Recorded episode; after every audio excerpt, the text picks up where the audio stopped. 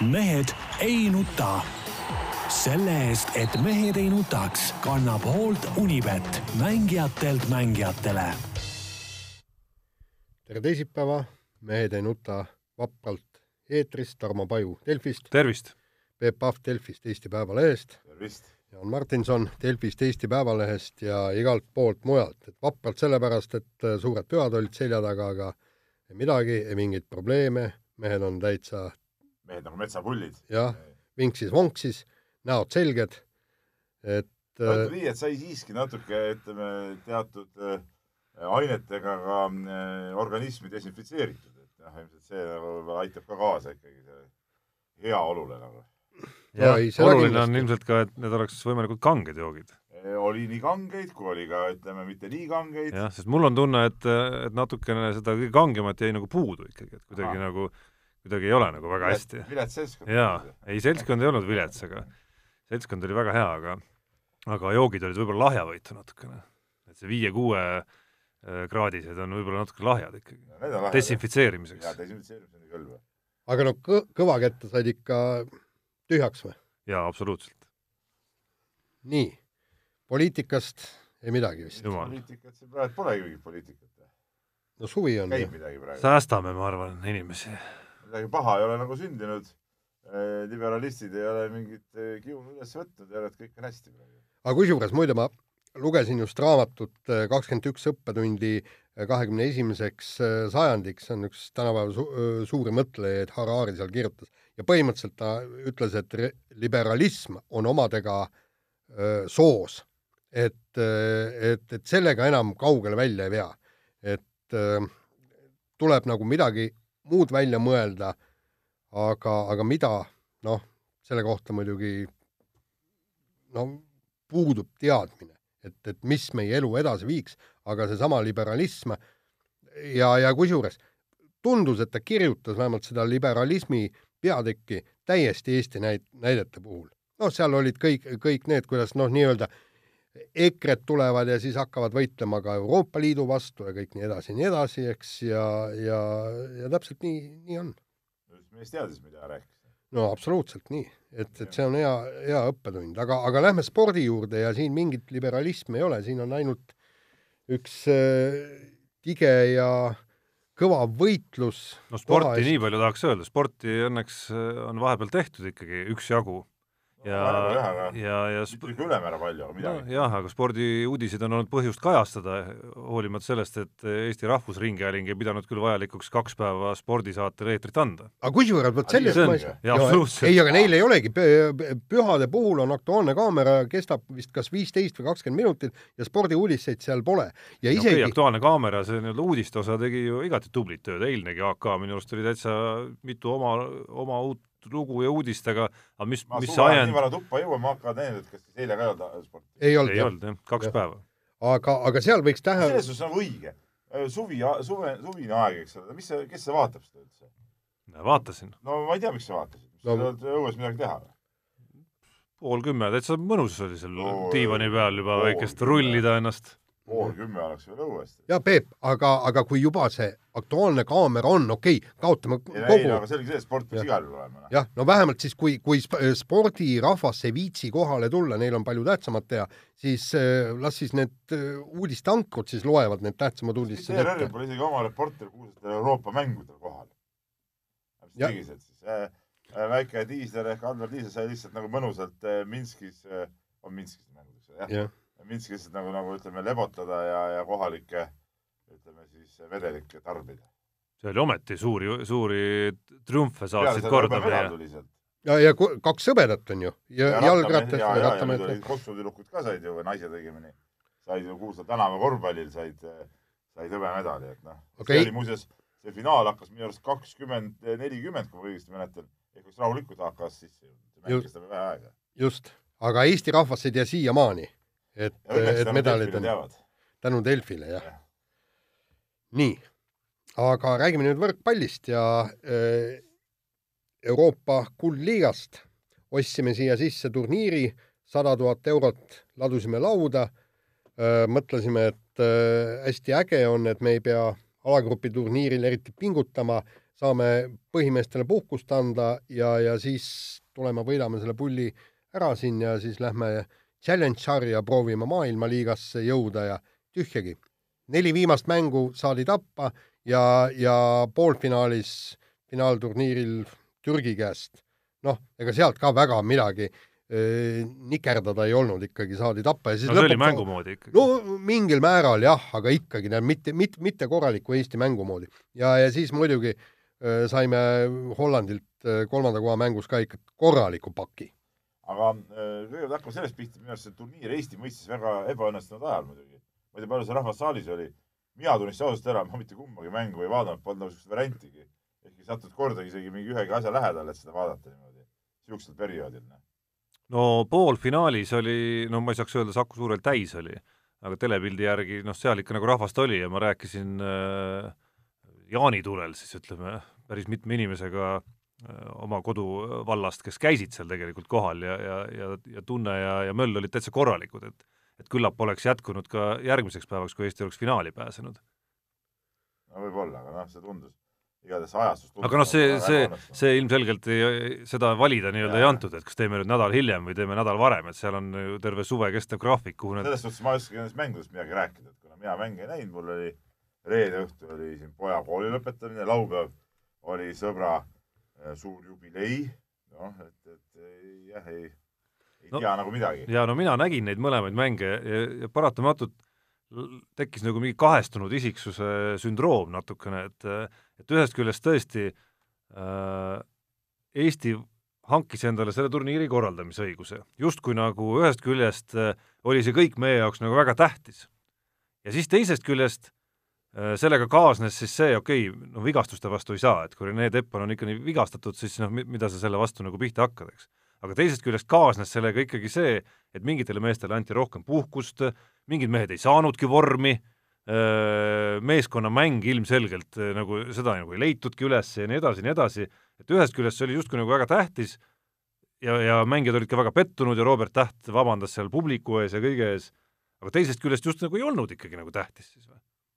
Võta seesama Oliver Venno näide, tema, tal oli vist mingi pisivigastus küll, ma mäletan ühte intervjuud, kus ta justkui tänas peatreener Georgi Gretut selle eest, et äh, talle anti nagu luba hiljem liituda, et ta sai kuskil sõbra pulmas käia ja ma ei tea, kus veel, aga siis justkui turniiril, mis oli nagu väga tähtis, sest Eesti oli panustanud sinna sada tuhat eurot siiski ja lootis pääseda edasi ja võidelda veel maailmaliiga eest, seda nagu ei ole pärast, pärast isegi küsinud keegi Oliver Venno käest, et okei okay,, sulle anti see vabadus, aga kus see vorm jäi siis nüüd? Ta vist ei saanud mängidagi. ei no ta sellepärast ei saanudki mängida, sest no ta oli alavormis ilmselgelt. aga, aga sa tead, sa ei näinudki teda mängida? no ei no ta ju mingites episoodides ta ju käis väljakul ka eelmistes kohtumistes. ja ei no seal oli kindel põhjus, miks peatreener no, alavormis oli muidugi, selle vastu ei vaidle. et see oligi põhjus, miks Indrek Pulk väljakule tuli, et aga noh, selge, et Indrek Pulga selline nagu maksimumsooritus on ilmselgelt kuskil natukene madalamal kui Oliver Vennol, kes tippvormis ikkagi kõmmutas siin eelmisel hooajal väga vägevalt. huvitav, kas siis, kas siis siin ei saanud nagu alaliit, kes selle turniiri endal sisse ostis ja, ja siis see võistkond ehk siis peatreener äh, Gretuga eesotsas omavahel äh, asju selgeks rääkida, et kuulge, teeme nüüd niimoodi, me korraldame selle ja, ja, ja, ja võtame siit maksimumi, jah, täpselt. kusjuures ma ütlen, ma ütlen puhtalt isiklikult sel aastal, kui toimub Euroopa meistrivõistluste finaalturniir, siis vaata, meil äh, noor reporter Märt Roosna kirjutas väga hea kommentaari tänasesse lehte, kus ta tõi ära, et, et paljud äh, riigid, kes on edukalt esinenud EM-il, ei ole panustanud siia kuldliigasse. ja, ja ma arvan, et, et siin tehti juba viga sellega, et, et me hakkasime seda kuldliigat sedavõrd tähtsustama ja juba see, et, et me kulutasime seda sada tuhat ära selleks, et, et see turniir sisse osta, me panime lihtsalt seda sada tuhat panime tuuri. see oli siis vajalik selleks, et saada seda finaalturniiri siia? jaa, aga milleks meil seda vaja on? teeme, teeme niimoodi, anname nendele vanadele puhkuse, mängime noortega ja panustame ikkagi EM-ile. sest mõtle, kui nüüd olekski Eesti kahe hulka saanud, see tähendab, et see suvi oleks veel edasi ja. läinud, mis tähendab, et veel keerulisem oleks siis oma noh, kõik on ikkagi deklareerinud peaeesmärgina EM-finaalturniiri, siis oleks veel raskem olnud vähemalt äh, ütleme, sellise valiku juures, mis meil on Eesti koondise jaoks, eh, noh, mis ei ole võrreldes võib-olla maailma tippriikidega siiski nagu päris nii lai, on ju, ehk et nagu näha, me ei saa lubada endale seda, et meil mõni tipp ei ole vormis ja mõni on vigastatud, siis see oleks tähendanud ikkagi nagu veel keerulisemat olukorda sügiseks. no just, ja, ja, ja teine asi on see, et, et esimest korda minu meelest ähm, ajakirjandus tõi lõpuks välja kõik need äh, mängijate vanuse ja, ja, ja pandi ilusasti ritta, alates Gert Toobalist. no see nüüd esimest korda, Jaan, küll ei, ei ole. oot-oot-oot, me, me, me ei ole me isegi rääkinud siin äh, sellest, kuidas Rikberg ja Toobal ikkagi jaa, kõik jaa, on õige, me oleme rääkinud, just, me oleme rääkinud Rikbergist ja Toobalist, aga ma just räägin, et, et panna kõik see ritta ja ja, ja isegi Robert Täht hakkab juba vaikselt, no okei okay,, ta on oma parimas mängija, mängija ja see kõik, kõik nii, ja kui sa vaatad seda seltskonda, kui palju meil nüüd jääb veel EM-e, kus me selle seltskonnaga saame äh, maksimumi anda. ma arvan, et, et see EM on üsnagi viimane. kes hakkab äh, Toobeli asemel sidet mängima? et nüüd on meil võimalus äh, teha ajalugu, noh, okei okay,, ärme räägi medalist, aga räägime ikkagi veerandfinaali jõudmisest ja, ja sinna tuleb panustada. no see jutt äh, viib meid sujuvalt teise eelmise nädala suure uudiseni, ehk siis selleni, et äh, Eesti saigi kaks tuhat kakskümmend üks EM-finaalturniiri ühe alagrupi korraldamisõiguse. mul on kuri kahtlus, et needsamad kõige vanemad nimed, äh, kellest, kes siin jutust läbi käivad, et neil on ikka kindel siht see kaks tuhat kakskümmend üks kuidagi nagu ikkagi noh, ära, ära, ära elada sinnamaani ikkagi koondises. mul on muidugi sellega seoses hoopis teine küsimus ja mõte ja ma see noor reporter Roosnaga siin ka juba üks päev tegelikult arutasin, et kas Eesti riik ikka suudab, äh, me ju taotleme samaks aastaks ka seda korvpalli EM-i siia Tallinnasse. kas suudetakse kahel, kahel aastal, tähendab ühel aastal tehta kaht, teha kahte sellist turniiri, kas see rahaliselt meil üle jõu nagu ei käi või? no ma arvan, et äh, ei käi väga äh, üle jõu, sellepärast et noh, no need summad ei ole mingisugused ülemäärased, aga teine küsimus on, et kas on mõtet? nojah, aga no aga mis siis Kossumehed peaks loobuma sellepärast, et võrkpallurid said? mina tahaks küll Kossu EM-i siia, mitte võrkpalli EM-i näiteks. no see ei ole võib-olla see, mille pärast võrkpallurid peaks muretsema väga. ei, seda küll, aga ma ütlen praegu, point on ju selles, et eh, kuidas me seda teeme, eks ole, et et, et see eeldab riigi toetust igal juhul. Noh. no tähendab, võrkpalluritest ma saan aru, neil on ikkagi väike lootus, et neil on tugev sats ja nad suudavad siin midagi korda saata, midagi mängida aga meie korvpalli seis on ju tegelikult üsnagi hapu. ja me, äh, kas sa arvad, et kaks, äh, kaks tuhat kakskümmend üks oleme me võimelised äh, võitlema edasipääsu nimel? täitsa võimalik, sest siis on juba need, ütleme, see uus põlvkond on ikkagi, ikkagi mingil normaalsel tasemel juba. no nad on, kui vanad nad on, et kakskümmend üks, kakskümmend kaks? kakskümmend kaks, kakskümmend kolm, seal on igasuguseid vanuses mehi. kusjuures seal on päris mitu loogikat, päris mitu loogikat, mis veel nagu noh, nagu nagu toetaks seda otsust, et igal juhul ma ei, ma ei saa selles kuidagi nagu midagi halba näha, ei, ei saa ka võrkpalli jaoks, küsimus on selles kahes koo-, kahe kooskõlas võib-olla ja võib-olla ei ole selles ka midagi hullu. aga, aga kui korvpallurite näite juurde minna, siis kui me meenutame eelmist finaalturniiri, kus ikkagi noh, sisuliselt terve meeskond oli ju nagu kollanokad ikkagi sellel tasemel, eks. ja, ja meenutame, kui, kui palju läks aega, et seal siis sellises atmosfääris üldse kuidagimoodi nagu kohaneda ja hakkama saada, siis noh, juba sellepärast ma arvan, oleks see sellele uuele põlvkonnale äge variant, et see ei ole kindlasti selle põlvkonna jaoks see tulemuse tegemise finaalturniir, aga võib-olla neli aastat hiljem on ja siis on enamikul neist see kogemus olemas juba. ei, ma just mõtlen seda, et, et, et, et ma ei usu, et me suudame kahte siin korraldada, see tundub nagu ebareaalne meie rahaliste võimaluste juures, nüüd on võrkpall see oma asja paika, et ma kardan, et korvpalli lips on sellega üldse nagu läbi. no kujutad ette Jüri Ratast, kes ütleb korvpalluritele ei? no jaa, aga noh iseasi, mis ta jaa tänagi maksab, selles mõttes, et yeah. kas ta, kas ta sel ajal, kui, kui reaalselt on vaja lubadusi täitma hakata, on üldse veel puldis, eks? ja noh, kui riigiga mingi leping sõlmitakse, siis noh kuule, aga, aga, aga mehed, kas, kas keegi on üldse näinud, näinud seda eelarvet, et palju see maksab, korvpalli EM-i äh, korraldamine siin? või no võrkpalli, jah? või võrkpalli, jah, jah ja.. ei ole, aga no see ei ole kindlasti odav lõbu, Jaan, sa saad isegi aru. jaa, ei muidugi, jah et... noh, seal on tehtud ikkagi ka, ma kahjuks ei ole ka seal näinud, oli jutt et see, see võrkpalli äh, Euroopa Liidu või Rahvusliidu see president ütles, et Jüri Ratas lubas saata neile mingi garantiikirja valitsuse poolt, et äh, et äh, valitsus garanteerib teatud raha. noh, ja minu, mina tahaks no, näha me räägime me räägime ka täissaalidest siiski ja Kossu puhul me räägime ka äh, vist mingitest partneritest, kellelt ka on võimalik natuke raha saada, a la, et soomlased, tulge ka siia, eks.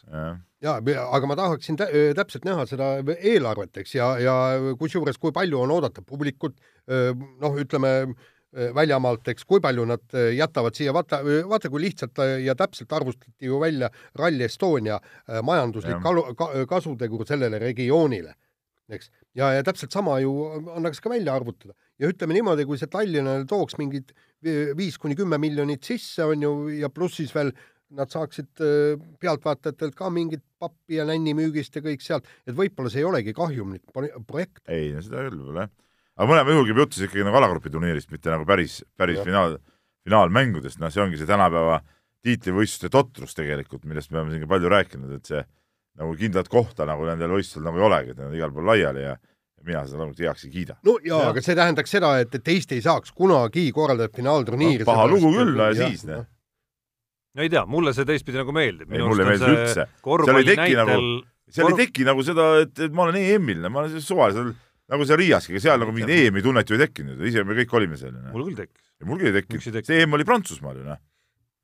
ei tea, mina ei tundnud küll kuidagimoodi, et see nagu äh, oleks kahandanud selle väärtust, et pigem vastupidi, et sa ikkagi garanteerid endale suureks osaks nendeks alagrupi mängudeks ka korralikult täidetud saalid, mida sa siis, kui sa korraldad näiteks Prantsusmaal, noh, ei saa ikkagi suurem osa mängudest. seal on, ma ütlen veel kord, seal ei teki seda ühe suurvõistluse, kompaktse suurvõistluse tunnet, see peab ühes riigis olema suurvõistlus Pe. Peep, ja siis aga jagame siis olümpiamängud ka nii, et üks ala on USA-s, teine ala on Jaapanis, kolmas on Austraalias, noh. aga umbes nii tahetaksegi teha. aga no see on idiootsus, Jaan ju. ei no aga Peep, Peep. ära hakka vaidlema. oota ma tahan, ma tahan sulle öelda, kus see tunne on siis rohkem, kas, kas äh, tõesti täissaalil, kui, kui Eesti mängis Leeduga või Eesti mängis Lätiga, kus oli tõesti võimas õhkkond, või siis kuskil Prantsusmaal, kus on võib-olla tuhat, äh, tuhat inimest. iga seal... ketsi kriuksumine on ka kuulda. just täpselt, kümne tuhandes saalis on tuhat inimest. suurvõistluse atmosfääri, et sul tõesti seal kõik on kompaktne, kõik maailma parimad on ühes kohas kohal, me oleme Tarmo käinud sinuga siuksel eelmil ka. tunne ikkagi, mida ma arvan, publik ausalt öeldes küll ei jaga, ma arvan ka mängijad mitte, kes eelistavad iga kell mängida täissaali ees ikkagi.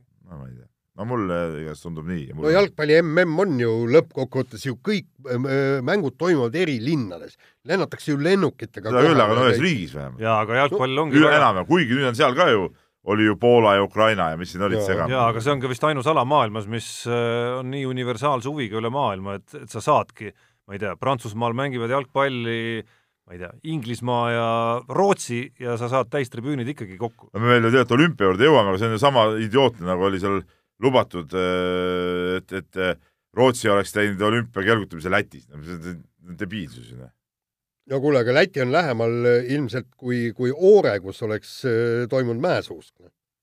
keelevahe ainult. nojaa, aga nagu teispool merd isegi, noh. saad aru, see ei ole see olümpia, Jaan, enam, noh, see ei ole see värk enam. üldse see spordijama tuleb ära lõpetada. Noh. ei paku huvi enam see selline tilu liigutamine ümber, mööda maailma laiali. Davai, lähme reklaamile. väike kõll jätkame kiire vahemänguga, jätkame võrkpalliga ja võrkpallikoondise peatreener Georgi Gretu äh, oli pärast mängu ääretult, noh, ma ei oskagi öelda, mis asja ta oli, ta oli noh, üsna, üsna häbematult käitus ja leidis vaenlase number üks, noh. leidis vaenlase number üks ja kui noor, noor reporter Märt Roosne küsis, et äh, kas see oli viga, et Timo Tammemaad poolfinaalis ei proovitud Äh, sai vastuseks, ei, see polnud viga ja kui tahad siin kedagi keppida, siis okei okay,, aga järgmine kord ära minuga enam räägi. mina otsustan, kes mängivad ja mina võtan vastutusse, mitte sina ega ajaleht. ja küsimusi selgus äh, Gretu sõna, sõnumi järgi tuleb esitada teistmoodi, muidu võin ka mina olla sitapea et ka mina, tähendab, ühesõnaga Märt Roosna oli sitapea ja, ja, ja, ja tal siis... oli sitt oli pähe määritud, läks sinna juurde niimoodi ja. ja ütleme siis nagu kindlasti ironiseeriv, irisevas toonis, noh, tundes härra Ro-, äh, noor reporter Roosnat loomulikult, see toon oli irisev kindlasti ja, ja esitas selle küsimuse eh, mitte kohaselt, ütleme nii ehk mõistetav v. võib-olla ta ei alustanud ka, et, et härra au, aupaklikult ei alustanud. kummarduse ja härra. minu arust ju Gretu väga täpselt seletas ära ikkagi, kuidas tuleb küsida. et sa ei saa küsida, kas oli viga, justkui nagu heites ette midagi, vaid sa saad küsida, et oota, kuidas see oligi, et, et, et, et, et, et miks just mängis see mees näiteks jah, kuidagi niimoodi see no, seletus oli, jah. saad aru, nagu positiivses võtmes peab olema küsimus. noh, aga anname, anname äh, Roosnale siiski andeks, tegemist siiski jätkuvalt noorreporteriga, et eks ta alles õpib ka seda asja ja saab erinevate treeneritega suheldes ka niisugused nagu kogemuste pagasid, kuidas küsimust formuleerida ja nii edasi, et noh, see kõik see elukogemus, mida see ülikooli värk nagu eriti ei anna tegelikult, aga no ütleme, elust enesest õpitakse. kuule, aga kui tegelikult ja nüüd äh, tõsiselt rääkida, siis mida aeg edasi, seda kuidagi äh, õhema nahaga on need äh, peatreenerid, ega siin Gretu ei ole ju ainus, kes, kes väldib ajakirjandust ja, ja kes noh, ründab ajakirjandust ja kõike muud ja, ja tegelikult, kui me, kui me lähme nüüd praegu minevikku tagasi, siis, siis, siis ka meie sportlased on õppinud ära nende tühjade vastuste andmise, kusjuures nad ei jaga välja, eks ta ei, nad ei suhtle ju tegelikult mitte ajakirjanikuga, vaid nad suhtlevad publikuga. äh, ja fännidega, sellepärast et me, ajakirjandus on lihtsalt äh, vahendaja.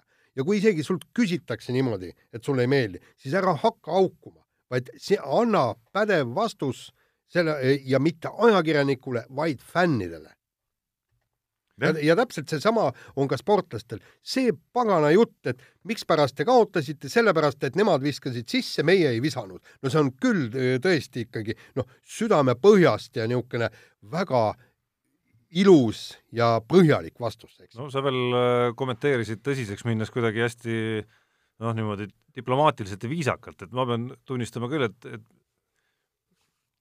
mind hakkab kuidagi nagu teistpidi nagu närvi ajama see Gretu selline nagu arrogants juba, et, et nagu küsida enam midagi ei tohi, mina vastutan, mina tean ise täpselt, kuidas on, kõik selline nagu, ma saan aru küll, et, et meie noorreporteri küsimused võivad olla nagu keskmisest otsekohesemad võib-olla, aga, aga näha mingisugust äh, tonti küsimuses, et kas oli viga, et Timo Tammemaa umbes väljakule täiesti tavaline küsimus, täiesti tavaline küsimus. lõpetage nüüd aga õigustatud küsimus. jah, ja, ja, ja teisest, ja, ja kuni sinna välja ikkagi, et näiteks mis puudutab nüüd võrkpalluri, võrkpallikoondise nagu võimekust, tulles tagasi nüüd teema juurde, siis on üks teema, mida üldse enam ei tohi puudutada ju.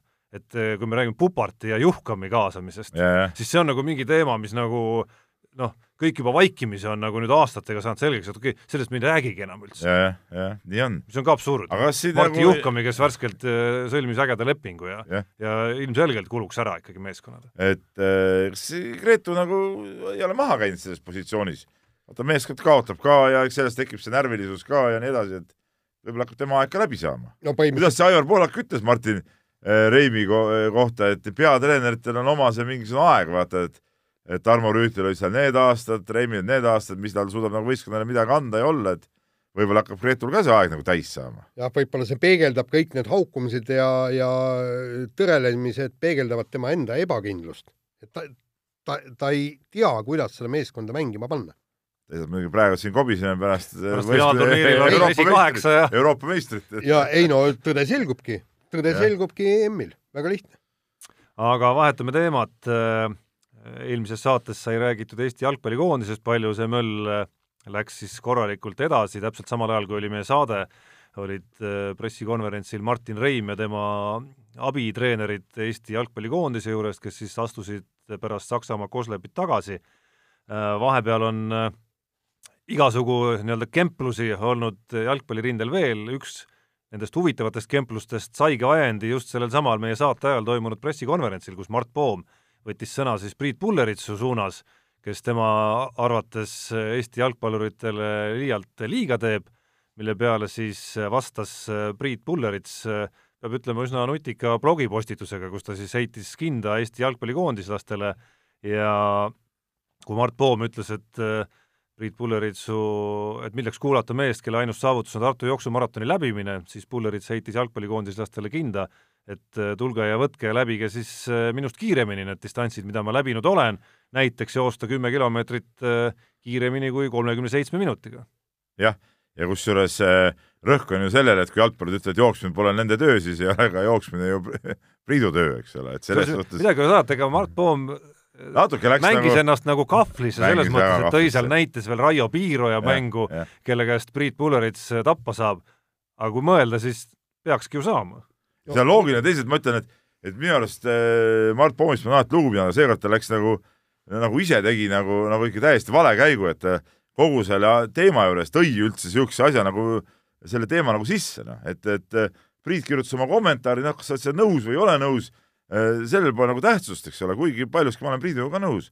Et, et ja kui sulle see ei meeldinud, siis nii on, aga sa ei saa jah tuua selliste näidetega sellist äh, kommentaari sinna nagu vastukommentaariks sisse, et see oli nagu Poomi poolt küll nagu suhteliselt suur viga ja, ja nagu jälle ma ütlen, leiti jälle nüüd õige vaenlane, selle asemel, et rääkida asjast, eks ole, hakati rääkima mingist umbluust. jaa, aga, aga, aga minu meelest peakski jalgpallikoondis nüüd Mart Poomi kaitseks välja astuma ja tõesti, tuleb mingisugune, kas see on Tartu ei no sügis, tuleb sügisjooks. sügisjooks ja pange, pange jalad joonele. kõik, kes Eestis vähemalt olemas Just. on, välisklubides ei ole. Just, ja, ja ma arvan, et see tükki küljest küll teil, kallid mehed, ära ei võta, kui te selle kümme kilomeetrit läbite ja, ja Priit Pulleritsu paika panete, siis te näitate, et te olete mehed. aga, aga siiamaani praegu on võiduseisus Priit Pullerits. sellepärast, et teil on junn jahe, te ei julge tema vastu tulla nii, aga äh, Eesti Suusaliit üllatas-üllatas, äh, äh, üllatas programmiga sada murdmaasuusa sõpra ja igalt sõbralt oodatakse tuhat eurot, mis suunatakse siis Eesti suusatamise noortetöösse. ütleme, asjad on õieti hapud. asjad on hapud, aga minu meelest see, see on kuidagi natukene ümberpidi pööratud, see, et mitte sada, kes igaüks maksab tuhat, vaid oleks tuhat, kes igaüks maksab sada see sada eurot oleks minule ka jõukohane. tuhat on aga palju võitu nagu. tuhat on palju võitu, ma mäletan, kunagi oli muide, kunagi oli ka see, et, et kui võrkpallikoondis aastaid ja aastaid tagasi tegi selle fännisärgi, et tulge toetage meid ja see maksis viis, viissada Eesti krooni, mis tegelikult tolle kohta, tolle aja kohta oli tõesti äh, küllaltki suur raha. kuigi see särgi enda hind äh, oli võib-olla, ma ei tea, kakskümmend, kolmkümmend krooni või viiskümmend krooni maksimum. kui nad oleks selle teinud kahesaja krooniga, oleks ma ostnud, aga viissada oli natukene üle jõu ja, ja, ja, ja. ja no,, ja ta rääkis muidugi Jaani pangas lebavates miljonites, siis muidugi no sulle see üle ju see, ega vaid see Ihnu, see koi lõi su selle välja. see Jaan ei olegi sinusugustele koonerdajatele ja Ihnust koidele mõeldud, et selgelt selle, selle üleskutse sihtrühm on võib-olla natukene, natukene nagu, kuidas öelda siis, lahkemad inimesed ja võib-olla äh, võib-olla kellel on ka seal pangakontol võib-olla isegi veel rohkem kui sinul seda raha no,. põhimõtteliselt ma arvan, et, et see ongi rohkem nagu firmade juurde minek. no hetkel ja, ka, ma vaatan Suusaliidu kodulehelt, et kahekümnenda juuni seisuga enne pühi oli siis üksteist inimest, noh ja me näeme siin alustades Andreas Laanest, Hans Ašluigest ja Urmas Sõõrumast, et eks see sihtrühm kuskil sealkandis ilmselt ongi siis. Kaspar Kokk näiteks ka on siin jah, aga, aga see ongi see, et, et tegelikult lihtsatele inimestele, kes on tegelikult ka suusasõbrad, ja kes, kes tõesti võtaks ka ja annaks oma panuse. et nende jaoks on see tuhat eurot ikkagi liiga suur summa. vaatame, kui, kui tädi Maali öö, öö, annetab ka sinna. no neid ilmselt ei tule, aga küll aga on võimalus ju koonduda kuidagimoodi, noh, ma ei tea, kolleegid, sõpruskonnad. ei nojah, aga no mis nad siis ei võta vastu, kui ütleme, tädi Maali kannab üle näiteks kaheksakümmend viis eurot, saadad ta tagasi selle või? ei no ilmselt ei saada, aga, aga siis, siis sealt oleks äh, pidanud ka, ütleme niimoodi, et, et kõhnema rahakotiga inimestele võimaluse pakkuma eh?. aga noh, igal juhul parem üritada midagi, kui lihtsalt äh, oodata. et no, mismoodi see asi nagu lihtsalt päriselt kokku kukub ja kõik, kõik plaanid äh, kaovad lihtsalt rahapuudusel. just, aga, aga, aga nüüd tahaks ka põhimõtteliselt näha, et, et mida selle rahaga, kui see kokku saadakse, tegema hakatakse, et, et üks asi on raha küll, eks, aga, aga näidake mulle neid juuniore, kes on teel maailma tippu ja siis ma olen väga rõõmus. nojah, aga Jaan, vaata nüüd sa, sa, see oli jälle niisugune sinu poolt jälle äh, selline umbluu äh, kõrgpilotaaž tegelikult no,. alles eelmises saates, oli see üle-eelmises saates? me paar... rääkisime sellest, kuidas äh, Eesti suusa, et, et kõik need vanad ära ja hakkame nende noortega nüüd tulema ja ei, tegema. sa ise rääkisid, nüüd ütled, aga näidake mulle neid noori, no ei, ei. on siis need noored või ei ole? meil on paar-kolm korralikku noort, aga, aga vaata, kui sa pro-, kuule kui sa projekti müüd, sa peaksid ju näitama täpselt ära, kui tahad minu käest tuhandet, tuhandet eurot kätte saada, siis näita täpselt ära, kuhu sa selle kulutad, kelle peale? noortekoondise peale. noortesarjad ongi ära näidatud näiteks, järelkasvuprojekt. noh. kõik on olemas. Need on kõik ju olnud. vaata internetis. jaa, aga no selleks olnud. ongi, et neid jätkata. jaa, sa kompuutrit oskad avada? oskan ikka. noh no., parool seisab ka meeles, kuidas siseneda sinna. no nippa-nappa. siis järjest lähed tagasi pärast ja vaata. okei okay nii, võtame nüüd järgmise teema ja nagu selgub, on ka vanameistrid äh, tegelikult äh, ääretult tegusad ja neli ära nüüd räägi, Gerd Kanter on nelikümmend, see pole mingi vanameister. ei no miks ta ei ole, kuule, neljakümneaastane sportlane. noh, kus see vanadus? kuule, oota. nii, aga igal juhul vend paneb, pani nüüd esi, esimest korda korvpallis pani pealt, eks. nii, ja ta mängib liigas, oota, kas ta, kas ta mängis mingit esiliigat või? ei, ta teises liigas käis platsil siiski eh, poolteist minutit per mäng eh, seal eh, meie veerandfinaalseerias. Tarmo, palju sina teises liigas platsil oled käinud?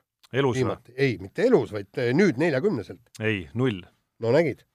päris tema tahtmata Gerd Kanterile liiga teha ja pidamata ka nüüd Tarmot mingiks eriliseks eh, suureks kor korvpalligeeniuseks, aga siiski meheks, kes oskab mängida ja on mänginud seda mängu, ma arvan, et Tarmost oleks olnud nende minutite jooksul tunduvalt rohkem abi kui Gerdist sel hetkel. aga, aga kaks huvitavat mõtet tekkis sellega, et eh, selle faktiga, et esiteks üllatus, et tõesti see esimest korda Gerd Kanteril see pealtpanek oli, et kas see tõesti saab tõele vastata, sellest tema postituse juures tõepoolest oli see kirjas. jaa, see oli kirjas, jah. et aga arvestades, kui sportlik ta on olnud ikkagi juba noorest põlvest alates ja ma arvan, pigem on see, et ta pole hästi selle asjaga tegelenud niimoodi. jaa, aga samas ta ju kuskil seal ütleme, keskkooli lõpukandis ja seal ju unistas võib-olla veel isegi korvpallurikarjäärist kunagi, et, et huvitav, et kas siis tõesti tal seda nagu ette ei tulnud aga teisest küljest muidugi müts maha, et päris, no, päris hea põrge peab olema, arvesta, et mehel on kaalu ikkagi mingi sada kakskümmend viis kilo umbes no,.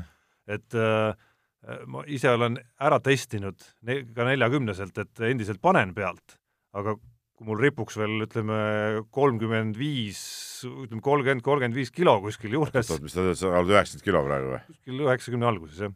Et äh, kui mul ripuks selline asi veel kuskil, no mitte mingil juhul. Noh. vot kõva. võta igaühe sangpommid kätte ja hakka kõndima niimoodi. no vot. aga kiire vahemängu lõpetuseks äh, läheme mootorite maailma. Jüri Vips, meie suur vormelilootus, tegi Prantsusmaa GP-l vormel kolm, vormel kolm sarjas Kimi Räikköneni, kui äh, võistlusinseneri õpetuste peale teatas, et jääge vait, ma tean ise, mida ma teen. no no põhimõtteliselt, põhimõtteliselt küll, tegelikult see, see võib väga tüütav olla, tähendab, sa keskendud, sa oled kõik täis ja siis hakkab keegi sulle rääkima mingisuguseid elementaartõdesid, mida sa ise ka väga hästi tead. okei okay,, seda võib rääkida enne, seda võib rääkida pärast, seda võib rääkida vahepeal, siis kui sa boksis oled, kõik nii, aga, aga no ma ei tea, kas sõidu sõidu ajal või midagi, no see on täpselt nii, et sa teed öö, oma artiklit ja kõik ja siis keegi tuleb, hakkab seal öö, kõrval midagi torisema, nagu me kõik tegelikult teemegi sul ei ja. ole ju väga tore olla? on. on? jaa. okei okay. ja ma arvan lihtsalt see, et Vips on ikka nii noor sõidumees, seda peabki õpetama sõidu ajal. Noh. et ma ei ole ka kindel, mu esimene mõte oli ka, et huvitav, kas noh, selles rollis, mis ta on, et kas ta saab endale seal nagu haukumist lubada ikka? no ütleme niimoodi, et äh, tundub, et ta on niisugune võitleja tüüp ja tema teeb nii, nagu tema tahab. ei, selles suhtes ma nagu ei heida üldse ette seda iseloomuomadust ja seda võitluslikkust ja seda vastust ka otseselt ei, ei heida ette, aga ma arvan, et ega nüüd vaevalt nüüd Äh, see äh, võistlusinsener seal niisama ka midagi ütlema hakkas, et, et see on nagu see tõde on tead nagu kahepoolne praegu tead noh. et, et ilmselt üks pidi ütlema, aga, aga võib-olla seal selles, ähm, selles äh, sõidu, kuidas ma ütlen, nagu sõidustressis olles või sõiduärevuses olles, noh siis plahvatad ka kergemini tead noh. emotsioonid on üleval ju sõidu ajal. kuigi, kuigi vormel ühest on muidugi tuttavad, tuttavad need stseenid natukene, et eks nad vahel, vahel nagu ongi suhteliselt nagu tühja juttu tuleb sealt ka ikkagi no nagu elementaarseid no. asju tuletatakse meelde, noh. umbes no, see... sama, et hakkad rääkima ikka pinguta nüüd kaitses umbes, noh. jaa, ikka ütled ju, hakkame tööle, mehed, noh nii, nii on. lased kõlli või? laseme reklaami. ai, ai, ai. seda tuli lasta Unibetis saab tasuta vaadata aastas enam kui viiekümne tuhande mängu otseülekannet. seda isegi mobiilis ja tahvelarvutis. Unibet, mängijatelt mängijatele. nii, nüüd on, nüüd sai õigesti asi. sul ikka see, see nupumäng nagu ei, ei tule välja hästi, ma vaatan. inimesel on kaks nuppu. neli. ma näen sealt kaheksat isegi. Need neli on. aa, ülejäänud ei tohi puutuda või? No siit tuleb, äh, hetkel tuleb, äh, ma võin Delfi erisaate kõlli lasta näiteks. aa, okei okay., ära, ära seda lase. kui tuleb mingi breaking news meil saate ajal, siis äh, laseme seda, see on selline, meil on siin kogu aeg. see on selline preemialik, selline ei no ära Helmet ka, et vaata kui osa, vaata kui tuli lihtsalt õigetele nuppudele vajutada ja kohe sain nagu niisuguse nagu tooni positiivseks. jah kiidame heaks. tunnen nii, nii hästi ikka teid. aga nüüd kirjade rubriik, see on nagu uutrenna ja Potsta omal ajal, kui Vremade peale jutt läks. et ähm, lähme siis, see oli küll muusikasaade, tead, seal Utrenna ja Pottsas lasti mingeid laule ja asju ka. nii, aga, aga äh, lähme kirjade juurde. Tamm Tamm, meie alaline kirjasaate kirjutab ja, ja ta nägi siis eile uudist, kuidas Eesti kolm kord kolm korvpalli naiskond jõudis Euroopa äh, mängudel finaali, kus ma siiamaani aru saan, mis asi need Euroopa mängud täpselt on, ise sel alal töötades. Aga ta juhib tähelepanu, samas Amsterdami MM-i turniir kaheksateist kuni kakskümmend kolm juuni, finaal kakskümmend kolm juuni, Minskis Euroopa mängud kakskümmend üks kuni kakskümmend neli juuni, finaal kakskümmend neli juuni, need kuupäevad on siis nüüd täna korvpalli, eks kolm, kolm, kolm korda kolme kohta. küsimus, kuidas on see võimalik, et kaks nii-öelda tiitlivõistlust toimuvad samal ajal ning milline on nende medalite väärtus? no Peep, sina oled korvpallispetsialist. hakkame kõigepealt sellest pihta, kolm korda kolm ei ole nagu päris korvpall. et, et ütleme, mina ennast kolm korda kolm äh, mängu spetsialistiks kindlasti ei pea ja mind see mäng väga ka ei paelu. mul on tüdrukute üle väga hea meel või õigemini naiste üle väga hea meel, kes seal selle hõbeda said, seal on äh, meie nüüd elav legend Merike Anderson ja, ja ja Annika Köster vist oli seal pundis ja, ja siuksed ikkagi nagu äh, nagu uhked, uhked mängunaised ja väga, väga tugevad mängijad, et see, see iseenesest on kõik, kõik vahva. Aga, aga kui nüüd küsitakse jah, et miks need ühel ajal on, siis minu arust see on täielik totrus ju noh. Eestil oli ju siis, eh, meestel oli kaks võistkoondist väljas, üks käis MM-il, kes seal kõrbesid täielikult, eks ole, siis teine koondis käis Euroopa mängudel, kes jõudis või nad jõudu edasi, nad said ühe võidu seal vähemalt. ja naised meil vist MM-il ei käinud, mängisid ainult Euroopa mängudel et ma ei oskagi öelda, kui, kui väärtuslik see medal on, no medal on alati medal, nagu öeldakse. kusjuures huvitav aga noh, õige asi muidugi ei ole, et sedasi, et kaks asja korraga. ja kusjuures tekkiski see küsimus, et äh, vaadates seda Eesti äh, hõbeda naiskonna rivistust, see väga, Kadri Andassis oli veel seal ja see noor tüdruk, ma ei suuda praegu nime välja öelda. et miks äh, seda satsi oleks võinud ju MM-ile äkki hoopis saata? Janne Pulk vist oli või, oli või? ei olnud või? neljast on ju. ei, aga oota, kas meil üldse oli koht MM-il? Janne Pulk, jah ja kas meil oli koht MM-il naiskonnal? vot see on see küsimus. mehed said äh, MM-i, seal oli ju ainult kaks. seal see konks ilmselt ongi. aga siin on ju see värk, et kas neid kohti, no üldse kogu see lepi, kogu kolm korda kolmenduse idiootsus seisneb ju selles, et seal saab ju mingeid edapeale kohti vastavalt sellele, mitu turniiri sa korraldad riigis, no selle, nagu sportlikku printsiipi eriti ei ole. nii, aga Tamm Tammi küsimus muuseas jätkub, et et kas võiks korraldada võistlused ka kus toimuvad üks korda üks, kaks korda kaks, kolm korda kolm, neli korda neli ja viis korda viis korvpall. kõik alad veel lisaks ruumis, sees ja õues ning lisaks iga ala eraldi ühel pool väljakut ja lisaks veel ka üle välja. et nii oleks kakskümmend eraldi korvpalli ja medaleid jagus kõigile. kõik saaks võistlusi korraldada ja kõik saaksid olla nii-öelda koondise treenerid. lisaks saaks ajakirjanikke igale poole saata no aga miks mitte, sõudmises on ju ühe paat, kahe paat, nelja paat, ühe, ühe aeruga, kahe aeruga, paarisaerulised minu vehklemises, miks, miks peab olema EP, Espadron, Florett, kõik need? ja ujumises ikka... selili, külili, kõhuli, jalade ees, pea ees. et seda küll saaks, aga kusjuures üks-ühte on ju veel, kunagi on Eestis ju korraldatud, olid üks-üks turniirid. ma mäletan väga hästi seda turniiri, kusjuures veel äh, väikese poisina käisin Kalevi spordis, kui see oli see, äh, kas see oli see kaheksakümmend kaheksa olümpialaste äh, taliolümpia järel tehti see mingi siuke show show värk, kus, kus olid jah, ma mäletan ka seda. Marju Madikainen oli kohal, ma mäletan seal veel. mitte Kalev Pihelgas ei võitnud finaalis Aivar Toomistet või? Kalev Pihelgas võitis selle turniiri. ja sai, kui ma õieti veel, õigesti veel mäletan, oli auhinnaks olid Salvo äh, mäesuusa saapad plastmassist need, mis sa ja aga see, et see on minu mul arust... on detail, ma võin eksida, mulle tundus, et see oli nii. Minu... teadjad mehed võiks meile kirjutada, kas see oli nii. et see minu arust on küll üks asi, mida tegelikult võiks natukene tihedamini võib-olla teha. aga siin, aga mõned aastad tagasi oli ka vaata see mingi kuskil tähtede mängu raames ei, või no kuskil ei, nagu ma tean, Rummu äh, seal vangilaagriski tehti seda, äh, tähendab, no siis laagrit enam ei olnud, oli see mingi sari oli, väike sari käis mingi üks kord üks mingi, mingi asi oli siin, aga, aga aga jah, suured pallid iseenesest ma ütleks, et mulle vaatajana jah. pakuks see nagu rohkem kui kolm korda kolm isegi. noh, seda eristub nagu selgemini ja see on väga selge niisugune individuaalne see on ikka nagu, ta on ikka niisugune nagu ühekordne asi, et see ei ole nagu mingi, sa ei saa teha mingit äh, läbi hooaja mingi Eesti, Eesti meistriliiga üks kord üks, tead, mingid vennad panevad iga päev üks kord ühte, see ei ole ka nagu suurem asi. seda enam, et seal on ütleme, üks-üks tänapäeva korvpallis, noh, on ikkagi nagu no, kõige alus ikkagi, eks. nii, vot, vot nii aga ajakirjanikke igale poole ei saadaks, Tamm-Tamm, sinu rahustuseks võin ütelda. et eh, me ei käinud isegi seal MM-il kohal, kuigi paljud konkurendid käisid. nii, aga Kalle, ka meie vana kirjasaatja, kirjutab ja, ja jutuks on jalgpall ja jalgpalli järelkasv, kirjutab, et kandepinda on küll, aga mängijad ei tule ja kõik imestavad, miks.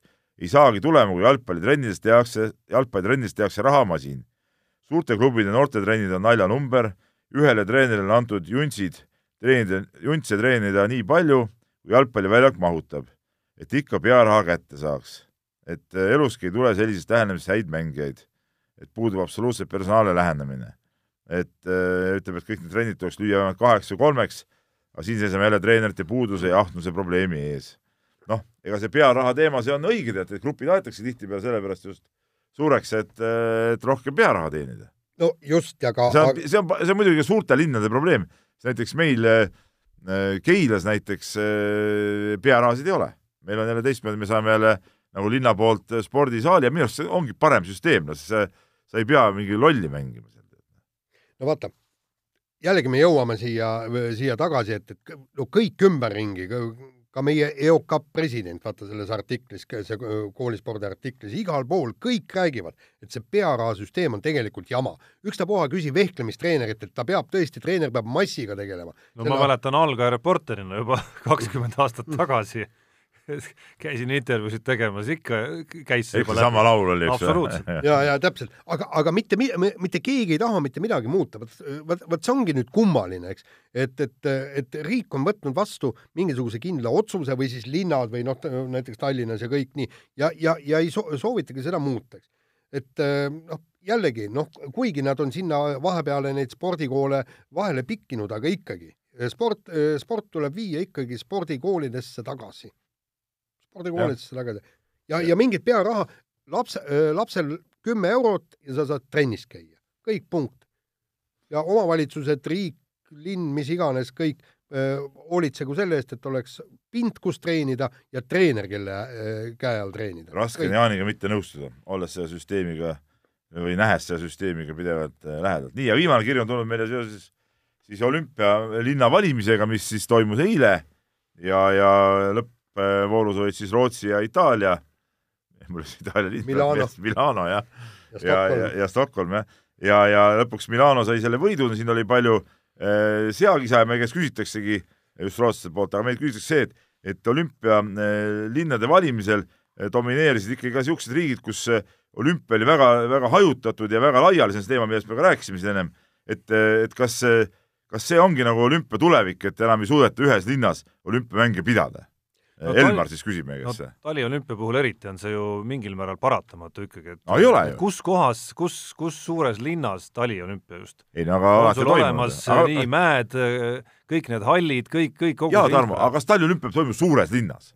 ei no isegi kui ta on väiksem linn, siis sul ammugi ei ole seda ei no Lillehammer, Lillehammer, võta. ei no kui sa viid selle Sotši oli näiteks no, suhteliselt okeid. mis oli ka nagu ikka väga erandlik äh, asi püsti pandud sinna kuskile ma ei mäleta, Vancouveris, kas seal oli, mäesuusk oli kuskil väga kaugel või? ei no seal oli juba suusk oli, vaata, me sõitsime hokit vaatama. kui palju sul on kuskil mägedes selliseid äh, linnu, kus on olemas ka suured jäähoki ja iluuisutamise saalid ja nii edasi ja nii edasi.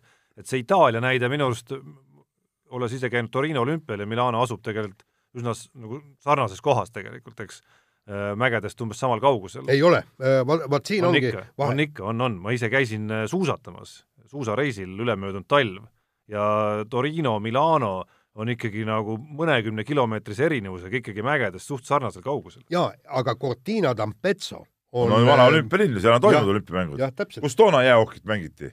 no olete te kindel, et, et Cortina d'Ampezzo on ka täna suuteline olümpiamänge võõrustama?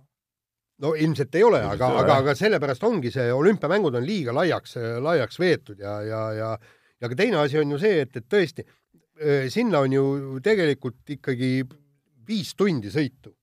no me ei, me, me ei saa, tähendab, ütleme niimoodi, see sisuliselt välistab selle, et publik ja, ja ajakirjanikud saaksid olla öö, nii siin kui ka seal ütleme niimoodi, sa oled fänn, sa tahad hommikul vaadata, sa tahad hommikul vaadata murdmaad või, või laskesuusatamist ja õhtu, õhtul vaadata okit või, või, või, või siis äh, iluuisutamist. välistatud. see välistatud, jah. mis ikka normaalses olümpiakohas ikkagi on, on see, on see täitsa olemas. no võtame kõik need vanasti need äh, ega see Sarajevos oli ka ikkagi suhteliselt kompaktne, kaheksakümmend neli võtame seal või Kalgari kaheksakümmend kaheksa, ikka nagu enam-vähem nagu ikkagi ühes kohas toimusid. Kust ja... selle viis tundi võtad, ma ei saa aru, ma kontrollisin ka praegu seal. noh no, no, kolm tundi maks eks väga palju vahet ei ole no ju. ikka on päris suur päris vahe. okei see ikkagi ei ole. ja mina vaatasin ka Goo- Google Mapsist, vaatasin järgi neli pluss tundi, noh. aga no loomoraal on see jah, et olümpia on, on äh, liiga suureks aetud ja, ja ja ega ei olegi neid häid, häid kohti, sest järgmine taliolümpia on ju Pekingis. Peking. No kuulge, See- mis, mis on mäed täielik seal nali. Pekingis see on? läheb nagu absurdi natukene See- ja on no ütleme, ma olen sinuga ole. nii palju ka nõus, et see variant, kus, kus tõesti sul on äh, noh, see, see variant selles jagamises, täitsa jura ju see, see, see Rootsi ja siis veel Siguldas, see kõik tundus kuidagi nagu, nagu natuke liiga veider, isegi seal minu, Stockholmi ja, isegi- ja Oore vahe on ka päris pikk, ma olen ise autoga sõitnud. et isegi minu jaoks. terve päeva sõidad sinna. et see nagu isegi minu jaoks tundus nagu veider, aga see Milano Torino versioon minu arust täiesti okei okay.. Naljakas jah, see Rootsi äh, sporditegelaste see, see seakisa, mis pärast välja tuli, et et ei teagi, mis sellest olümpiast nüüd saab, kui itaallased seda korraldavad ja et ega sealt mingit head nahka ei tulda, te ei lugenud neid, neid arvamusi ma ei lugenud, aga Torinost ma mäletan, et ei saanud midagi halba. jah, Torino oli täitsa okei okay.. et ka fännina näiteks minna sinna äh, ööbida pigem siis mägedes, eks ole, et ka vahepeal seal mõni päev ise suusatamas käia ja siis liikuda sealt ringi, väga okei okay.. nojaa, aga noh, oki on ju põhiline, mis sa mägedes passid. No ütleme niimoodi, et, et äh, hoki jääb nendel, kes äh, kes vaatavad äh, suusatamist, selle suuresti jääb hoki muidugi, kui okile ikka tuleb päris võistkonnad, et kui sa jääb nüüd sellisel tasemel, nagu seal Pyeongchangis oli, no siis muidugi enam oki ei ole päris see no aga aga kuule oki, on alati oki muidugi. hoki on ikkagi hoki, jah, just. nii on. nii, kas sa nüüd reklaamid Unibetti ka meile?, ja jaa, meie hea toetaja Unibet pani eelmisel nädalal püsti eriküsimuse, kas Eesti võrkpallikoondis võidab koduse turniiri või see mitte. oli ju selge, et ei. üks koma kolm oli see ei ja see üks koma kolm saigi siis tõeks. oli ühest küljest nagu natukene vähevõitu, et panustada kuidagi, mis sa selle ühe koma kolme peal panustad, aga õnneks jätkus ka tarmukust mitte sinna uljalt kolme koma nulli peal seda võitu püüdma minna. nii et ma jäin nulli omadega. nojah, no ja ütleme niimoodi, et, et aga Jaan, ma saan aru, ei, ei ma kuskilt ma möllab ja hullab. ei, ei kuskilt maalt ma kukkusin äh, üsna, üsna niisugune hapusse seisu ja, ja meil on anti veel raha juurde, Jaan ju. ei, ei, ei, ei, ma mõtlen, ma, ma ikka mõtlen kasumit ja, ja, ja praegu, aga siis järsku kõmm, Anett Kontaveits ei esimese seti jumal, seda ma kuulsin eile tund aega siin töö juures ja, ja, ja siis teise, teise seti peal nägi ära jõudsin- selle? nägin ära, et, Ja- et sealt, sealt tuleb võit, eks panin ilusasti, koefitsient oli, kui ma ei eksi, oli kaks koma kaheksa ja panin selle koefitsiendiga üht-teist ja hurraa, hoplaa ja pappi tuli. Ja siis äh, Copa Ameerikat võitsin ka niimoodi, et mul on kakssada nelikümmend eurot seal kuskil. Assa nuga, no ma ei, ma ei kommenteeri, Tunnust- lähme, lähme teemadega edasi. tunnustame küll, viitsib Võime- mees möllata, jah. ta on ikka võitu väärt jah, täitsa. ta võite väärt jah. kas meil on see nädal ja sellel nädalal küsimust, eriküsimust ei ole, sest äh, väga tühi nädal on ja ei hakanud seal mingisuguseid äh, obskuurseid asju leiutama äh,. korra käis mõte Obskuursed, läbi, aga naiste kossu EM hakkab. korra käis mõte läbi, aga, aga natukene keeruliseks osutus ka see küsimus, et Delfi rallipäev on tulekul ju pühapäeval, kus äh, noh, näiteks oleks võimalik välja mõelda panus Martin Järveoja versus Ott Tänak. ei kuule, veel parem küsimus oleks olnud jälle, jälle sa omaette ni- nikerdad siin ja, ja küsi tarkade inimeste käest ja nõu. tark, täpselt, toimuvad Eesti maanteesõidu meistrivõistlused ja kusjuures üle pika-pika aja Ja on meie mehed on kõik, mõlemad ja kanged. rada on mägine. jah, kas mõlemad võita ka tahavad või? Ei no põhimõtteliselt miks, miks nad ei taha ja ma vaata olen siin näinud küll neid sõitmas siin Eestis, nii Ei. et nad ei taha võita. kuule, kui sul mägesid ega mitte midagi ei ole, seal on ikkagi väikestel ringidel kolm korralikku tõusu pandud. Eestis et- on mäed. no seal on Viljandis linna, linna, linna, Okei, linnatõusud on. on tekitatud, see on päris Jaa, korralik tõusud. just, et, et kas, kas nad suudavad äh, sprinteritel vastu saada, vot see oleks hea küsimus olnud. aga noh, seda annab veel võib-olla korraldada, vaatame. Nonii, aga paneme nüüd te teemadega edasi tundub, et oleme suhteliselt ajakitsikuses. üllatuslikult. nii, räägime kiirelt. EP naiskond põrus EM-il, seitsmes koht.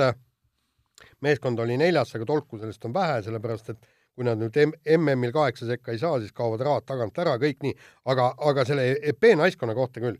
täna just viskasin pilgu peale, viimati, viimati oldi nii kehvas seisus aastal kaks tuhat kümme, kaks tuhat üksteist, kui Beljajeva ja Julia Zuikova olid veel üheksateistaastased juuniorid, jõudsime me poolfinaali ja sealtmaalt on Eesti alati EM-il vehelnud poolfinaalis vähemalt.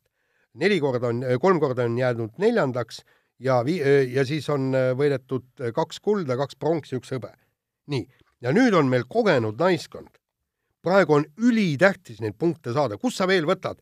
Palju lihtsam on EM-ilt jõuda esikolmikusse, sul ei ole kolme suurt vastas, Ameerikat, Hiinat ja Koread, eks. ja, ja, ja, ja nüüd sa põrud, põrud ikkagi täiega olümp-, olümpiapunktide kogumisel. no ütleme nii, et ma vaatasin ka seda Äh, matše seal ja, ja veerandfinaali ajal Jaaniga äh, helistasin ka Jaanile ja ma seda viimast äh, minimatši enam ei suutnudki vaadata, mul juba närv läks nii mustaks, et no äh, ikkagi mingi jama seal nüüd sees on, et, et ütleme nii, et näiteks sama meie legendaarne Irina Embrik selles äh, veerandfinaalis oli ikkagi ümmargune null, et noh, nüüd tekivad jälle need küsimused, kas see, kas see koondis sai ikkagi õigesti paika või ei saanud, Jaan lubas siin mulle suure suuga kirjutada artikli sel teemal, jään selle huviga ootama. et, et äh, siin nagu asjad ei olnud nagu, asjad ei olnud nagu ikkagi hästi. Ja nüüd mul on see küsimus, kas MM-i jaoks tuuakse siis Kirpu tagasi, aga Kirpu vist on jälle hooaja lõpetanud, vist ei trennigi enam või? no põhim põhimõtteliselt nagu ta ise andis teada, hooaeg lõppes ja, ja teine küsimus on no, see, see koondis määrati ikkagi ju mõlemaks võistluseks. ei, ei, ei, ainult EM-iks nüüd nii-öelda vehklemisliidu juhatusega, ma ei usu, et nad hakkavad seda ümber muutma. no aga see oli, olgem ausad, see oli täielik kõrbemine ja sinna ikkagi tuleb siin peab nüüd leidma ikkagi vastuseid ja, ja peab ka peatreener Kaido Kaaberma äh, peaks ikkagi tulema avalikkuse ette ja andma selgeid vastuseid praegu, miks seis on selline, mis selle tingis. jaa, aga sellepärast, et vorm ei aga olnud miks, vormis. aga miks ei oldud vormis, seda Just ma räägin. peab andma vastuseid, mis selle tingis, miks me ei olnud vormis, näe. kas pandi puusse laagritega, kas pandi puusse sparringupartneritega seal midagi, no milles asi on? praegu on vaja vastuseid anda, praegu ei saa pead liiva alla peita ja teha nägu, nagu kõik oleks äh, fine, eks ole, ei ole, näe. just, sest kaheksa eelmist aastat me oleme olnud vormis EM-i ajal, me oleme alati jõudnud poolfinaali. ja nüüd järsku ei ole, just otsustaval mis oli see aastal. muutus näiteks, mis seekord tehti teistmoodi no,? või, või oleme teinud mingit sama mudelit ja teised on teinud teistmoodi paremaks teinud, oleme mingisse vanasse aega kinni jäänud, me ei tea, me tahaks neid vastuseid saada. ja ma mäletan, noh, ütleme, legendaarsed äh, treenerid on siin ju kogu aeg rääkinud, et on vaja uusi ärritajaid, kui sa teed kogu aeg vanaviisi, siis äh, see edasiminek ei, ei pruugi olla sama hea. nii et ühesõnaga, asi on hapu, aga õnneks on nüüd kolme nädala pärast tulemas mm ja, ja no kui seal aga kui seal on sama hapu, siis on no, rong no, sõidab ära, tšut-tšut, eks ole. jah, täpselt. ja, ja kusjuures noh, ütleme niimoodi, et, et sealt veel, kui, kui, meie omad kaheksa sekka ei pää, ei pääse, siis hakkavad need rahad ka juba ära kukkuma varsti toetusrahad.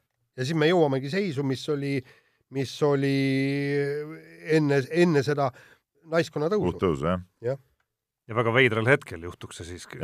kus ja. individuaalses mõttes justkui äh, no aga, aga aia taha läks aegade, aegade paremaid aegu. jaa, aga aia taha läks täielikult individuaalvõistlus ju, absoluutselt aia taha. et see ei olnud praegu nii, et see päev oli meil kehva, terve see nädal oli kehva tegelikult. et see on ikkagi, viitabki sellele, et et vormi absoluutselt ei olnud. kusjuures meil on Kirpu Beljajev on parimas vehklemiseas, Kristiina Kuusk on ka veel okei okay,, eks, on no. Katrina Lehis, kes on, oli valitsev Euroopa meister, eks, tema on edetabeli juht, meil on neli väga head vehklejat ja kuidas me sellise seltskonnaga, Irina Emrich, okei okay,, noh, ta on tõesti liiga veteran juba, praegu tundub, aga meil on ikkagi niivõrd hea koondis ja, ja, ja ikkagi ma sellest aru ei saa, miks me ei võiks kaasata viis naist treeningprotsessi, äh, vaadata, kuidas nad on laagrites, võtta neid kõik viis äh, kaasa EM-ile ja otsustada päev ja kaks enne. täpselt. et kes vehkleb, kes ei vehkle. tark treener näeb ju ära, kellel on vormi, kellel ei ole äh, vahetame teemat, jalgpallist me siin kiire vahemängu ajal korraks juba rääkisime Priit Pulleritsu ja Mart Poomi näitel, aga räägime natukene veel. Nimelt äh, pärast eelmist teisipäeva, kui siin äh, koondise juhtorganid või mitte juhtorganid, aga ütleme, juhtstaap välja vahetus või tagasi astus, äh, on ka Aivar Pohlak, Eesti jalgpallijuht ja Jalgpalliliidu president, saanud üksjagu tähelepanu, ka üksjagu kriitikat. Ja ühele sellest kriitikast on Aivar Pohlak ise ka vastanud ja öelnud, et kui praegu keegi kirjutab, et jalgpall vajab uut ideede generaatorit, siis kurat, kui ma elan üheksakümne viie aastaseks, ma olen siis ka keskmisest oluliselt suurem ideede generaator. ise loobuksin sel juhul, kui mul enam ei ole kirge, tunnen, et tolknen niisama. no põhimõtteliselt ma arvan, et ta ei eksi, kui ta ei, ütleb nii. muidugi ta ei eksi, ma arvan, ma arvan ka, et, et ega mingid ideede puuduses tema puhul nagu nagu rääkida ei saa, aga küsimus ongi selles, et et tegelikult ei ole Aivar Pohlak andnud ikkagi ka selget vastust, et miks, miks nende aastate või isegi aastakümnete jooksul ei ole Eesti jalgpall oma eesmärke täitnud ega jõudnud sinna, millest kogu aeg on räägitud, need finaalturniirid, asjad, miks me oleme, miks meil pole mängijaid, miks need niisugused halvad seisud praegu on, et selle kõige kohta ma ei ole kuskilt lugenud selget vastust Pohlakut. või sina oled või? ei, ei ole, aga ma, ma tahan nendest ideedest ka rääkida, näiteks mul on muide, mul tuli praegu pähe ideed, et vaata, meil on homse lehega võib-olla väike probleem, eks. ma, ma pakun välja, et tead probleemi. ei, ei okay,, no tähendab, ütleme niimoodi, et, et ma arvan, et mul tuli praegu ette idee, et helistaks Michael Jordan ja räägiks temaga natukene, no mis ta praegu teeb ja kõik nii. ja siis tõmbaks, tõmbaks traati Hamiltonile ja Vettelile ja, ja esitaks neile ühesuguseid intrigeerivaid küsimusi, vaataks, eks. ja, ja mul on veel mõned ideed, eks, ma pärast seda räägin, eks. jube head ideed, eks. Aga mis, mis, mis sest kasu on, kui neid ideid ei suudeta ellu viia, punkt üks, või need ideed ei tooda tulemust? ei no idee peab olema. jaa, ei no idee peab olema, aga, aga tulemust ei ole tulnud tõepoolest. no ütleme just... kogu selles praeguses äh, loos ja tegelikult isegi see puudutab natuke pikemat perioodi, ongi nagu kaks asja, üks asi, mida, mis mind nagu mingitel puhkudel häirib isegi, on see, kui minnakse nagu selle kallale, et et et justkui nagu Aivar Pohlak on süüdi sellepärast, et ta on nagu suhteliselt nagu üksinda saanud ajada seda, et see on a priori nagu halb, on ju. see ei ole, halb saab olla mingi konkreetne idee või konkreetne tegevus või tegevusetus ja, ja mis viibki nagu teise pooleni, ehk siis äh, tõepoolest, nagu sa, Peep, ütlesid, tahakski natukene kuulda nüüd tema enda seest ikkagi nagu sellist nagu kriitilist eneseanalüüsi ka natukene nendele ideedele või, või kus see nagu kala siis nagu peitub praegu, et neid uusi tippe või neid tippe ei tulegi nagu selle massi pealt nagu kuidagimoodi ja mida siis nagu, mis need ideed tal on, kuidas, kuidas sellest seisust nagu asi paremuse suunas lükata? sellepärast, et, et need seda... ideed olid ju väga head, mis me rääkisime, mis aastal me pidime finaalturniiril mängima? kaks tuhat kakskümmend kaks oli või? ei no see on eesmärk, see ei ole ei, konkreetne ei, nagu ei, kõik, kõik on vä ei, me väga... ammu juba pidame mängima seda, me oleme mitu korda ära mänginud juba. just, jaa, aga vaata, siin ongi see, et, et kui me paneme, võtame vastu mingisuguse eesmärgi, ja me ei jõua sellele ligilähedalegi. järelikult on tehtud kuskilt äh, mingisugused vead ja, ja, ja nüüd olekski vaja äh,, tahakski teada, et miks me ei mängi finaalturniiril, miks me ei ole finaalturniirile ligilähedalgi Mi,. mis on olnud probleemid, kuidas neid probleeme lahendada? mida me peaksime tegema selleks, et, et me jõuaks võib-olla kümne aasta pärast finaalturniirile, kuidas me äh, selle Eesti jalgpalli paneksime arenema, see on ju see presidendi asi, see ei ole Jüri Ratase ega kellegi teise asi et see ei tundu mulle nagu selline väga selline nagu peenhäälestus praegu, mida vaja on, vaid kuskil on ikkagi natukene nagu süsteemsemalt need asjad vildakad ja aina rohkem kisub see teravik ikka kuskil sinna nagu noortegruppide ja noorte teemade peale, et, et kui palju ja kvaliteetselt seal ikkagi siis vaeva nähakse nende nii-öelda nagu tippude vormimisega siis ikkagi, et seal tundub mingi asi viltu olevat, ma saan aru, et jalgpalliringkondades on sellest ka räägitud mõnda aega juba ja räägitud sellest, kuidas nüüd kvantiteedilt minnakse kvaliteedile, aga aga seda kõike tahaks, tahaks just ka Aivar Pohlaku enda suust rohkem ja, kuulda, et kuidas see plaan nagu täpsemalt siis välja näeb.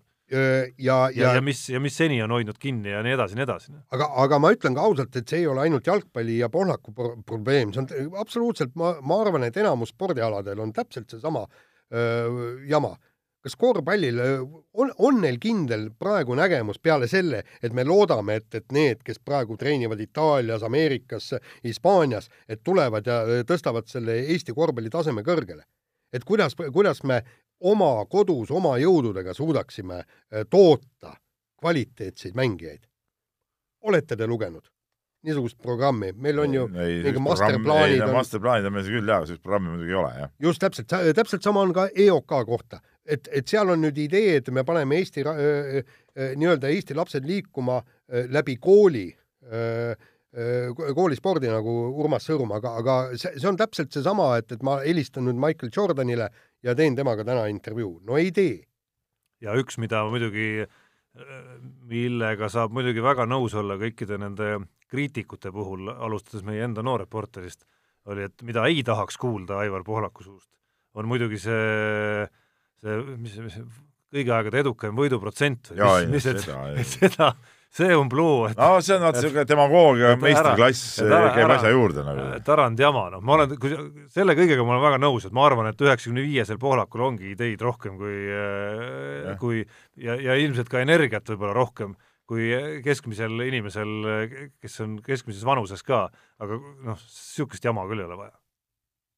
nii, no lähme kohe sujuvalt, Lähme sujuvalt äh, tund on täis. Äh, jah, lähme, lähme nüüd äh, selle mehe juurde, kes teeb tegusid, aga mitte ei tuututa, ehk siis Magnus Kirt põrutas päevase vahega kaks üle üheksakümne meetrit, meetrist tulemust, mõlemal on siis nii tema isiklikud rekordid kui ka Eesti rekordid, üheksakümmend, kolmkümmend neli oli Tšehhis ja üheksakümmend, kuuskümmend üks Soomes. Ja et väljend päevase vahega jääb võib-olla arusaamatuks, ma mõtlen, päevase vahega on nagu eile ja täna, siis Jah. vahel üle kahe, kahe viskamise vahepeal jäi üks tühi päev. ja üks tühi päev, mis kulus Reisipäev, reisimisele, jah. et ütleme niimoodi, et äh, no nagu äh, ka äh, kuulus sakslane olümpiavõitja ja Euroopa meister Vetter ütles, et või Rööler ütles, et, et ta on praegu, praegusel hetkel maailma parim ja maailma stabiilsem odaviskaja. nii nagu Magnus Kirt mulle eile telefoni teel vestlesime ja ütles, et eh, praegused tulemused ei maksa midagi tegelikult ja mis on ka tõsi, sest MM-ini on üle kolme kuu veel jah, ja ja, ja see on väga, väga pikk aeg ja tema parima seas, konkurentide seas on mehed, kes on visanud ka üheksakümmend kolm meetrit. ja seda ta ka ütles, et seal on, et need ei ole tulemused, mida keegi ei suudaks üle visata, et on küll mehi, kes on visanud sellest rohkem või sinna lähedale, et selles suhtes midagi sellest praegult järeldada ei, ei maksa. ja selles suhtes muidugi ma ütlesin ka Magnusele, et, et noh, et selles suhtes nagu ebareaalne vend, et, et et kogu selle tralli juures, et teed siuksed võimalused viskad, et need jalad ikka nii kindlalt maas püsivad ja see jutt on nagu niivõrd kaine, et, et noh, tegelikult noh, teame siin lähiajaloostki mõni teine mees oleks juba ammu juba ammu, ma ei tea, ennast äh, läbi aegade parimaks ja maailmameistriks tituleerinud ja ja kõik oleks talle mitte ainult võileibu, vaid hamburgereid juba kokku pannud no aga maailmameister aga ta ongi ja ongi maailmameister, jah. ja MM-i hõbe. et, et, et selles suhtes, et noh, see, see, see, kuidas ma ütlen, ma olen mõelnud, et kas see on natuke nagu alla surutud nagu meelega, see emotsioon või või on see nagu päriselt, ma ei ole sellest nagu aru saanud tegelikult, noh. no eks see Andrus Värnik, kui sa, kui tema peale jutt läks, oligi võib-olla natukene ebaeestlaslik ka, Erki Nool ka, ma arvan, on võib-olla pisut ebaeestlaslik olnud oma emotsioonide ja tunnete väljaelamisega. ja, et Magnus Kirt on selles mõttes nagu oluliselt niisugune äh, tüüpilisem eestlane ikkagi.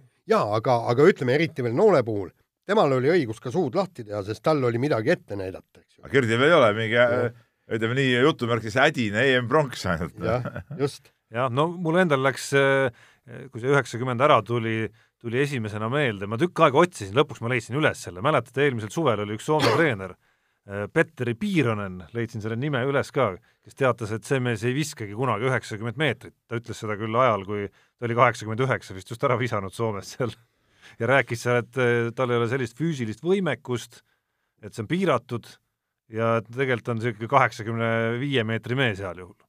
nojah, no ütleme niimoodi iseenesest, noh. jah, saadame nüüd tervisi Piironenile. kuulab kindlasti meid. aga kuulab meid kindlasti, jah. aga noh, muuseas, vägev odakaarega sai ju tead äh, Värnik ise ka hakkama, kellest me siin rääkisime. ma usun, et enamus on näinud seda videot, kuidas mees äh, üs, üsna kaugelt distantsilt ikkagi sai pihta. äh, selle lõkke jah, süütas oda, odaviskega, et, et ma saan aru, et see oli vist kolmas katse olnud, mis siis nagu pihta läks, aga, aga tõesti, vägev sooritus. no kui sa oled tiitlivõistluste mees, siis kolmandal katsel Jah. ei tohiks probleem olla sinu jaoks. närvipinge ei tohiks sulle küll midagi teha.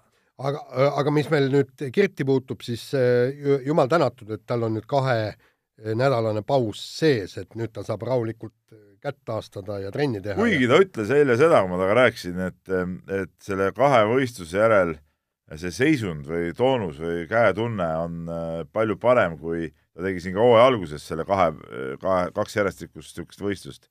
et siis oli hullem, et seekord nüüd oli nagu palju parem olnud see asi. ja aga ei pu- puhkus aga no selge see, et kätte on vaja puhata, et need niisugused visked tõmbavad käe tühjaks, see on suhteliselt loogiline. no igatahes on see ju nagu tohutu tume maa sel aastal, mida see mm endast kujutama hakkab.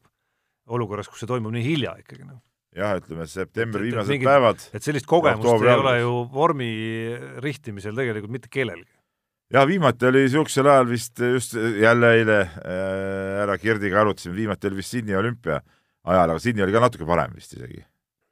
ma mäletan, Osaka mm oli ka niimoodi, et mul läks poeg läks esimesse klassi ja ma olin esimesel septembril, ma olin siis Osakas, et see oli ka kuskil, too oli ka septembri alguses siis noh, augusti lõpp, septembri algus. Et nii hilist võistlust ma nagu ei mäletagi. Melbourne'i olümpia, viiskümmend no, kuus. eh, Jaan. Sydney oli jah, septembri teine pool. aga Melbourne oli minu meelest kas oktoober-november. jaa, Jaan, aga seda ei mäleta isegi sina. aga mis veel Kirti lõpetuseks puudutab, siis üks paremaid äh, neid, kui ta ise on küll vähese jutumees, siis äh, David Serp täna Õhtulehes oli kokku kogunud natukene kõrvaliste inimeste mõtteid, siis üks eredamaid kohti oli kindlasti seal Donald Aik-Silla kommentaar, kes ütles, et ta juba mõned aastad tagasi ütles Kirdile, et kuule, ole hea mees, korralda need rekordid nüüd, enda nimele, et kaks eelmist rekordi omanikku on mõlemad olnud ikkagi suhteliselt sellised mitte spordimehed, pehmelt öeldes et see oli päris hästi öeldud nii aga.... pidas siis ka ennast silmas loomulikult. nii, aga no ega siis muud üle ei jää, kui nautige Eesti sume, suve, kuigi läheb nüüd jahedamaks, aga ikkagi. ja kuulake meid nädala pärast. Mehed ei nuta. saate tõi sinuni Unibet, mängijatelt mängijatele